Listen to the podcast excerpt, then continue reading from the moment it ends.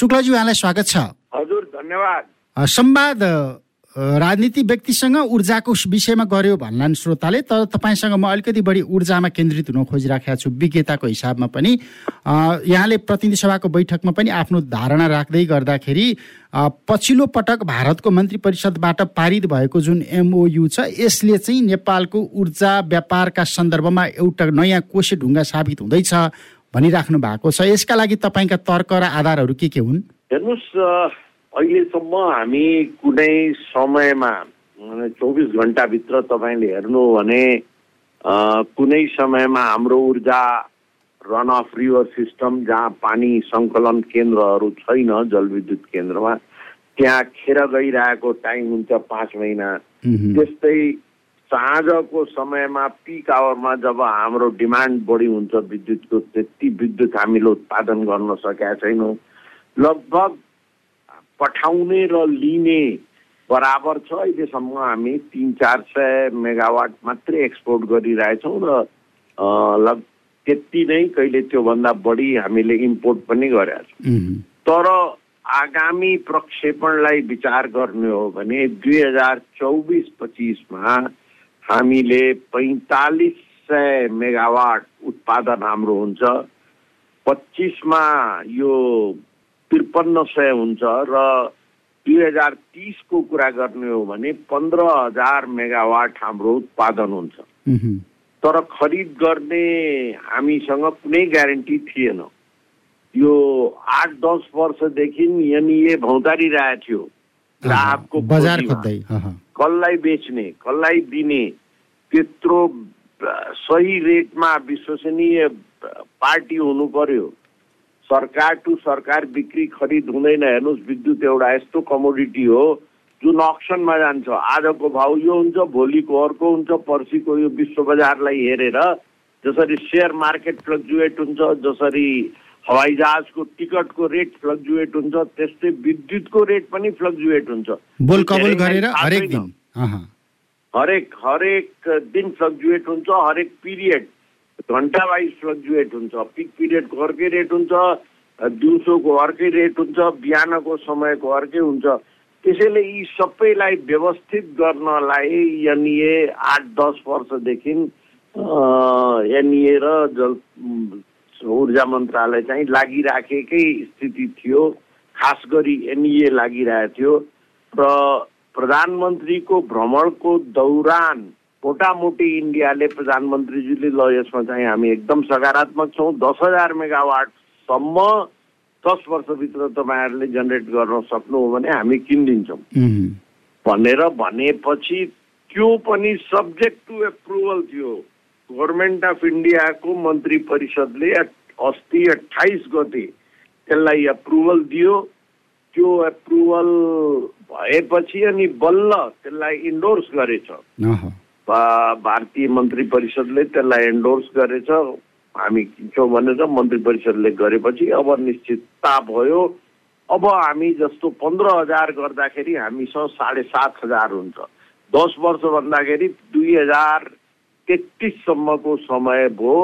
अब मैले अङ्ग्रेजी वर्षको कुरा गरेँ। दुई हजार एकतिस बत्तिससम्म हामीसँग दस हजारभन्दा बढी उब्रेको हुन्छ वर्तमान जुन योजना छ जुन प्रक्षेपण छ त्यसलाई हेर्दाखेरि। दस हजार मेगावाट बेच्दाखेरि विज्ञहरूको गणनामा चार सय सत्तरी अरबको विद्युत हामीले भारतलाई सालाना बेच्छौँ। चार सय सत्तरी भनेको हाम्रो यसपालिको जुन बजेट छ त्यसको लगभग अठाइस पर्सेन्ट हुन्छ। हाम्रो कुल राजस्व सङ्कलनको पचास प्रतिशत हुन्छ। भनेपछि यो मैले भन्न खोजेँ यो अत्यन्त उल्लेखनीय रकम हो यसलाई हामीले गर्न सक्यौँ भने उत्पादन गर्न सक्यौँ हाम्रो भने। जुन राजस्वको समस्याहरू देखिया छ अरू ठाउँबाट हामीले के निर्यात गर्ने कसरी व्यापार घाटा कम गर्ने भन्ने जुन हाम्रो ठुलो टाउको दुखाइ छ। त्यो एक हदसम्म त्यो पुरा हुन्छ र मलाई लाग्छ हामी त्यसको समाधानमा ठुलो फड्को मार्छौँ। र त्यस किसिम त्यस किसिमले देशको आर्थिक अवस्था पनि सुध्रिन्छ। Doctor Shankar Dayal Sharma doctor sorry doctor Shankar Sharma. जो अहिले नेपाली राजदूत हुनुहुन्छ दिल्ली जसको चाहिँ सक्रिय भूमिका पनि थियो यसलाई अगाडि बढाउन भारतीय नेताहरूसँग भारतीय अथोरिटीहरूसँग उहाँले नै स्पष्ट रूपमा के भन्नुभएछ भने नेपालको ऊर्जा विकासलाई द्रुत गतिमा अगाडि बढाउन यसले नेपालको ऊर्जा विकास र आर्थिक विकासलाई द्रुत गतिमा अगाडि बढाउन यो सम्झौताले ठुलो योगदान पुर्याउनेछ र जुन संरचनागत सुधार गर्न हामीले खोजिरहेछौँ त्यो पनि स्पष्ट रूपमा अगाडि बढ्नेछ भन्ने कुरा उहाँले आफ्नो फेसबुकमा आफ्नो ट्विटरमा लेख्नु भएको छ। त्यस हिसाबले हामीले हेर्दाखेरि अब उहाँ त पुरानो अर्थ मन्त्रालयको सल्लाहकार पनि हुनुहुन्थ्यो योजना आयोगको अध्यक्ष पनि हुनुहुन्थ्यो। नेपालको सन्दर्भमा उहाँ अनुभवी व्यक्ति हुनुहुन्छ। उहाँको भनाइलाई हामीले विश्वास गर्न सक्छौँ। विश्वसनीय छ र अहिले उहाँ राजदूत पनि हुनुहुन्छ। त्यस हिसाबले मैले भन्न खोजेँ के भने यो अत्यन्त महत्त्वपूर्ण एउटा कोसे ढुङ्गा हो नेपालको आर्थिक विकासको लागि। यसलाई अब हामीले पुरा गर्नु पर्यो। योजनामा भए पनि यसलाई सफल गराउन हामीले सम्पूर्ण ताकत लगाउनु पर्छ यसलाई कुनै हालतमा भन्दाखेरि जो विद्युत उत्पादनहरू भइरहेछ त्यो त अधिकांश निजी क्षेत्र नै छ। केहीमा एनइए पनि इन्भल्भ छ। यी कुरालाई हेरेर जुन हाम्रो प्रक्षेपण छ त्यसलाई हामीले पुरा गऱ्यौँ भने ठुलो एचिभमेन्ट हुन्छ। अब यहाँनिर जस्तो बर्खायामको सन्दर्भमा त ठिकै हो। हामीसँग रन अफ रिभर टाइपका प्रोजेक्टहरू अधिकांश छन्। तर जलाशययुक्त आयोजनाहरू हामीले बनाउन सकेका छैनौँ। एउटा कुला कुलेखानीको विकल्पहरूको दिन सकेका छैनौँ। गर्मी याममा बढी वर्षदेखिको जति छ सबै जलाशययुक्त नै बनिरहेछ। पहिलाको कुरा आरओआरहरू छ त्यो एक्जिस्टिङ छ। त्यसलाई म्यानेज गर्नलाई भारतले एक्सचेन्जमा दिउँसो चाहिँ हाम्रो एनर्जी लिने र त्यसको सट्टामा पिक आवरमा हामीलाई दिने त्यो रेटको कुराहरू भएछ एक्सचेन्ज रेटका केही शर्तहरू तय गरिएका छन्। हाम्रो उप्रेको विद्युत र रिभरको अहिले अहिले जुन छ जुन आउने दिनहरूमा हाम्रो प्रक्षेपण छ अहिले त हाम्रो उत्पादन यस वर्ष उन्तिस सय चान्चुन छ त्यसमा मलाई लाग्छ रन अफ रिभर लगभग पचपन्न पर्सेन्ट पचपन्न साठी पर्सेन्ट होला। त्यो जुन हजार बाह्र सय छ त्यसको सर्टेन त हाम्रो डोमेस्टिक कन्जम्सन पनि छ आधा बाँकी चाहिँ त्यो निश्चित रूपमा हामीले दिन सक्नुपर्छ र हाम्रो होम कन्जम्सन बढाएर पनि त्यसलाई हामीले युटिलाइज गर्नुपर्छ।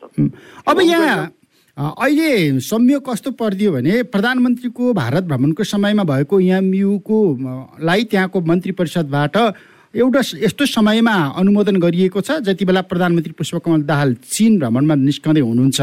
अनि प्रधानमन्त्री दाहाल उता निस्कँदै गर्दा भारतले यो एमओई पारित गर्दै गर्दा चिनका राजदूतको त्यो खालको अभिव्यक्ति आएको छ। अब ऊर्जाको व्यापारमा पनि अब छिमेकी मित्र राष्ट्रको घानमा पर्न खोज्या हौँ कि हामी? हेर्नुहोस् अब चिनले के गर्न खोज्या हो? त्यो त चिनको राजदूतलाई थाहा छ। तर उहाँको अभिव्यक्तिलाई पढ्दाखेरि उहाँको अभिव्यक्तिलाई सुन्दाखेरि एउटा के भान हुन्छ भने यो अठाइस गते स्वीकृत हुनु त्यसको दुई दिनपछि दुई तिन चार दिनपछि चाहिँ चिनको राजदूतको त्यो अभिव्यक्ति आउने कहीँ न कहीँ यसलाई होच्याउने कहीँ न कहीँ यसलाई अन्डर एस्टिमेट गर्ने प्रयास हो।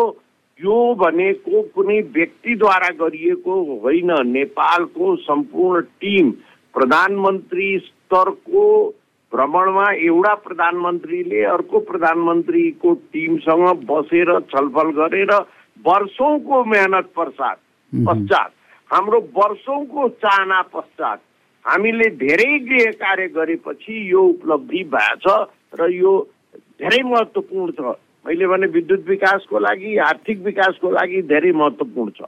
भारतसँगको सम्बन्ध यसले थप सुदृढ हुनेछ। हामी एक अर्काप्रति दुइटै हामीसँग विद्युत लिन्छ भारत हामीमाथि निर्भर भयो। हामीले भारतसँग पैसा लिन्छौँ हामी भारतमाथि निर्भर हुन्छौँ। र जुन निर्भरता छ जुन व्यापार डेफिसिट छ भारतको त्यो घटेर जान्छ। जबकि चाइनाको डेफिसिट चाहिँ चाइनासँग निर्यात हाम्रो दस पर्सेन्ट पनि छैन। आयात जति छ त्यसको दस पर्सेन्ट पनि निर्यात छैन। चाइनासँग निर्भरता झन् बढ्ने भयो। यो जुन डिसब्यालेन्स देखिन्छ भारत नेपाल वर्सेस चाइना नेपालमा मलाई लाग्छ यसले चिनिया पक्षलाई चिन्तित गरायो होला र चिनिया राजदूतको त्यस्तो अभिव्यक्ति आयो होला भन्ने मेरो यो देश हो र यो क्षेत्रका कुटनीतिक क्षेत्रका मान्छेहरूको भनाइ सुन्दाखेरि चिनलाई चिन्ता भयो कि यदि यो सफल भयो जुन किसिमले क्याबिनेटले गर्ला भनेर धेरैले एक्सपेक्ट गरेका थिएन। चिनिया राजदूत मात्रै होइन। धेरैले ल यो प्रधानमन्त्री जाँदाखेरि किन प्रधानमन्त्रीको मन छुट्याउने भनेर यो एमओयु भयो अब यो पारित हुन वर्षौँ लाग्छ भन्ने मान्छेहरूले भनिराखेका थिए। सत्य असत्य आफ्नो ठाउँमा हो।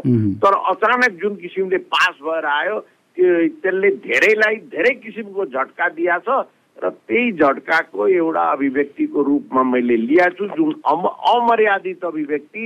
हाम्रो छिमेकी राष्ट्र जोसँग हाम्रो त्यस्तो मधुर सम्बन्ध छ जसलाई हामीले आफ्नो असल मित्रको रूपमा मानिराखेका छौँ गरिरहेछौँ सम्मान गरिरहेछौँ व्यवहार गरिरहेछौँ त्यस्तो असल मित्रको राजदूतबाट यो अभिव्यक्ति आउनु निश्चित नै यो ठिक होइन। यो यसमा हाम्रो घोर आपत्ति अब यहाँनिर तर परराष्ट्र मन्त्रालय दुर्भाग्यवश परराष्ट्र मन्त्रीले हामीले नोटिसमा लिएका छौँ भनेर भनिदिनु भयो अझ समितिमा त उहाँले मलाई त थाहै भएन भने जस्तो पनि भन्नुभयो तर यो हामीले नोटिसमा लिइसक्यौँ भनेर प्रिन्ट मिडियामा मैले पढेका थिएँ।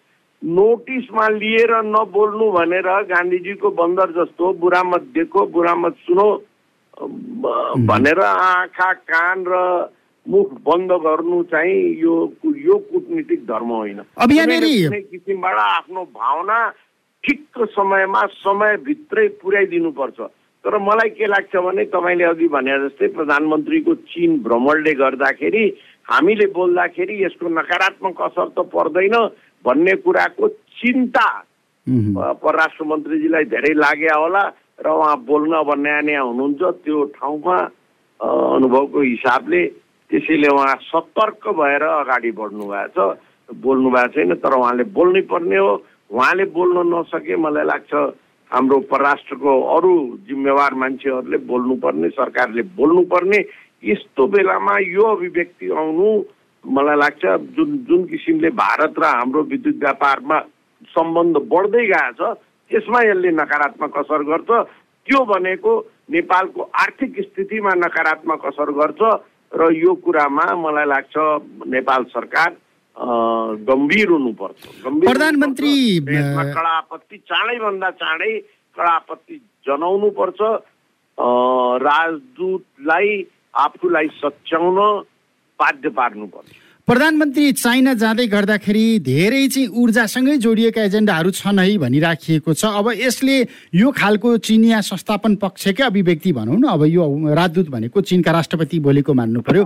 त्यो अभिव्यक्ति आउँदै गर्दाखेरि अब प्रचण्ड बेजिङ पुग्दाखेरि नेपालले पनि केही न केही सतर्कता अप्नाउनु पर्छ होला नि फेरि। त यता एमओयु पारित भयो मन्त्री परिषद भन्दै गर्दाखेरि दिल्ली पनि बिच्किने चिन पनि त्यो खालको उसमा नआउने हो भने त फेरि हामीलाई असर पर्छ। होइन हामीसँग ऊर्जाको स्रोत धेरै छ।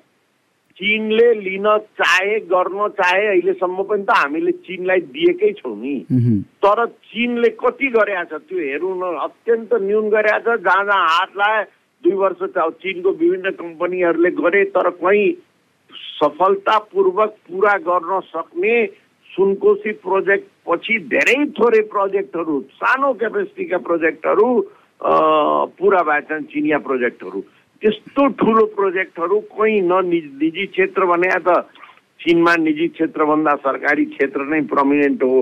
अगाडि सारिन्छ निजी क्षेत्रलाई तर व्यवहारिक रूपमा त सरकारी क्षेत्र नै हो त्यहाँको प्रणाली अनुसार नै त्यहाँको राजनीतिक प्रणाली अनुसार नै निजी क्षेत्र भने खासै छैन।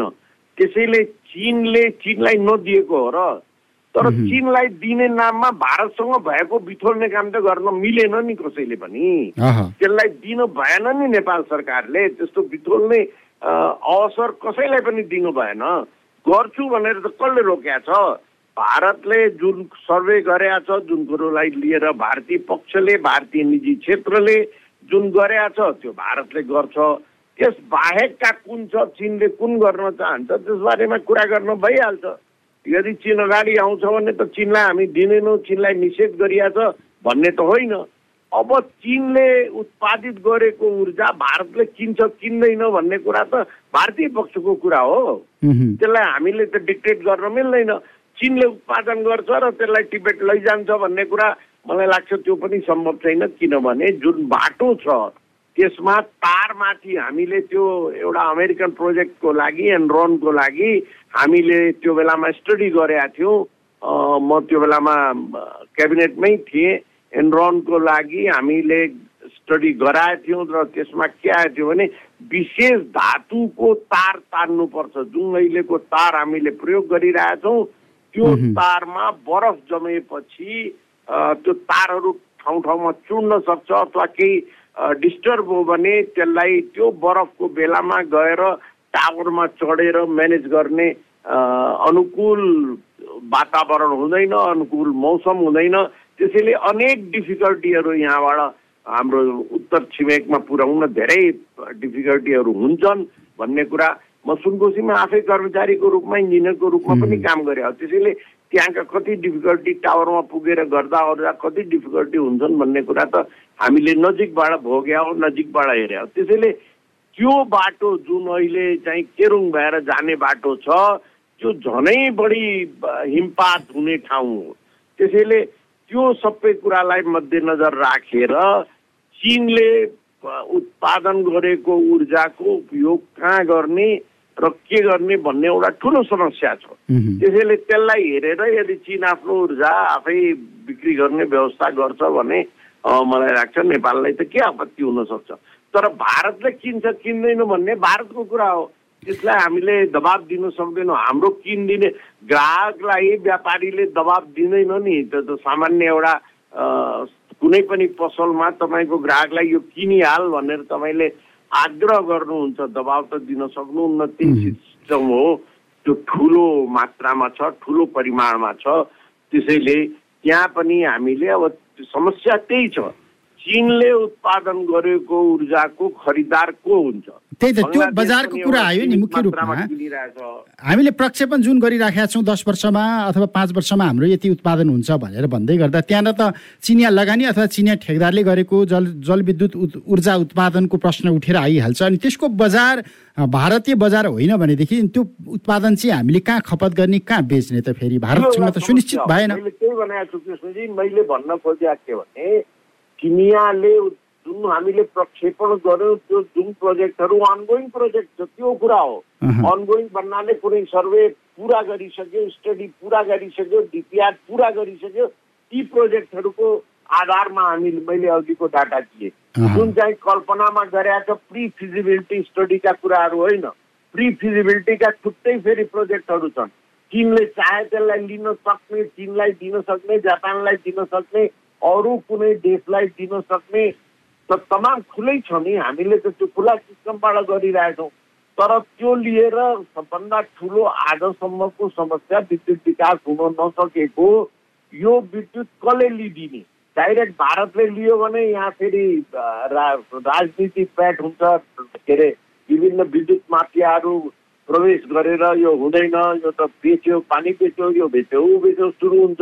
हेर्नुहोस् त्यो बेलामा भएको पञ्चेश्वर सबैले पञ्चेश्वर दिनु हुँदैन दिनु हुँदैन अहिले जहाँ प्रधानमन्त्रीको भारत भ्रमण भयो भने पहिलो एजेन्डा नै पञ्चेश्वरलाई सुरु गर्नुपर्छ हुन्छ। जसले त्यो बेलामा सबभन्दा बढी विरोध गरिरहेको थियो अहिले त्यही व्यक्तिहरू ती व्यक्तिहरू नै प्रधानमन्त्री भएर जाँदाखेरि पञ्चेश्वर हाम्रो हुनुपर्छ र उनका सहयोगीहरू जुन ठुल्ठुला नारा लगाइरहेको थिए तिनीहरू नै यसले तुरन्त पञ्चेश्वर चाहिन्छ भन्ने गरे त्यो हामीले यस्तो सम्झिँदाखेरि हाँसो पनि उठ्छ। त्यो स्थिति छ। विद्युतलाई बेच्ने बहुत ठुलो कुरा हो। पञ्चेश्वर त साझेदारीमा छ नि भारत र नेपालको। त्यसैले नेपालपट्टिको नेपालले किन्छ भारतपट्टिको भारतले किन्छ नेपालको ऊर्जा पनि भारत किन्न त्यो सम्झौतामा तयार त्यो लगानी गर्न पनि जति पानी गइरहेछ त्यसको सट्टा लगानी गर्न पनि भारत तयार थियो त्यो सम्झौतामा। अब त्यसको कार्यान्वयनको लागि अब ठिकै छ एक वर्षभित्र हामीले फाइनल डिपिआर दिन्छौँ भनेको छ त्यो नभएसम्म मैले त्यसमा केही कमेन्ट गर्न चाहन्न तर हामीले पाइराखेको बेलामा नलिने अनावश्यक राजनीति प्रवेश गरेर विभिन्न कुरा उठाएर त्यसलाई छोडिदिने अब हामीले त्यसैको लागि प्लिज प्लिज भन्दै हिँड्ने भन्ने कुरा समयमा यदि तपाईँले क्लिक गर्नु भएन if you don't hit the iron when it is hot you miss the train भन्छन् त्यो त्यसैले तपाईँले अवसर पाएको बेलामा त्यसको सदुपयोग गर्नु भएन भने त्यो अवसर तपाईँको अगाडि उठिरहँदैन उहुँ। चिनले खोजेको छ भने चिनलाई दिनु हुँदैन भन्ने कुरा कसैले पनि मन पर्दैन किनभने त्यो त पानी त बगेर गइरहेछ नि। ओहो। पानी बगेर गइरहेछ। पानी पैसामा परिवर्तन गर्ने हो नि जल विद्युत उत्पादन त। त्यो पैसामा परिवर्तन गर्न चिन आफ्नो लगानी गर्न तयार छ भने आओस्। त्यसमा चाहिँ हामीले रोक्ने कुरो हुँदैन चिनलाई दिनु हुँदैन भन्ने त चिन हाम्रो मित्र हो हामीले चिनलाई दिनै हुँदैन भन्ने कुरा त कहीँ थाहै छैन भने अब यो बजारकै अनिश्चितताले होला नि त होइन? यो जस्तो चिनले बनाउन भनेर ओगटेर राखेका कारण नै के हो भने त्यो ठुलो प्रोजेक्ट दिएपछि ठुलो ऊर्जाको परिमाण कहाँ लगेर बेच्ने? यो यो चाहिँ ट्रकमा लादेर पठाउने वस्तु त होइन नि। ट्रान्समिसन लाइनमा पठाएर तुरुन्तको तुरुन्त जानुपर्छ। त्यो अप्सन सिस्टमको रेट छ। राइट टाइममा राइट ठाउँ गएन भने पैसामा धेरै फरक पर्छ। त्यसैले ती सबले गर्दाखेरि चिनले उपयोग गर्न सक्ने भए त तिब्बतमा जाने ठुलो सम्भावना छ। तर मलाई के लाग्छ मैले अघि भने नि जुन जुन हिन्ड्रेन्सेसहरू छ मैले सुने जुन त्यहाँको भूगोल छ जुन त्यहाँको मौसम छ त्यसले त्यसमा बाधकको एउटा भूमिका खेलिरहेको। अब यो माथिल्लो मर्स्याङदीका कुरा पनि छन्। रोल्पा माडिङ माडी बहुउद्देश्य आयोजना पनि भनिएको छ। त्यस्तै तिला एक र दुई कालीगण्डकी गर्ज अप्पल त्रिशुली हुम्ला कर्णाली तमोर यी थुप्रै आयोजनाहरू जुन चिनले बनाउने भनेर भनिएको छ। अहिले माथिल्लो तामाकोसीको उत्पादन कहाँ लगेर बेच्ने भन्ने अर्को विवाद आइराखेको छ क्यारे लगानी नेपाली भए पनि ठेकदार चिनिया भयो भनिएको छ। भन्दा अब यसो गर्दा त चिनको लगानी र योजनाहरू त सबै जलस्रोतका क्षेत्रबाट विस्थापित हुने स्थिति आयो नि त। अब हेर्नुहोस् यहाँ त मैले अब यसको सुनिश्चितता राज्यले खोज्ने हो कि नखोज्ने हो? किन्ने मान्छेको चोइस जहिले पनि अगाडि हुन्छ।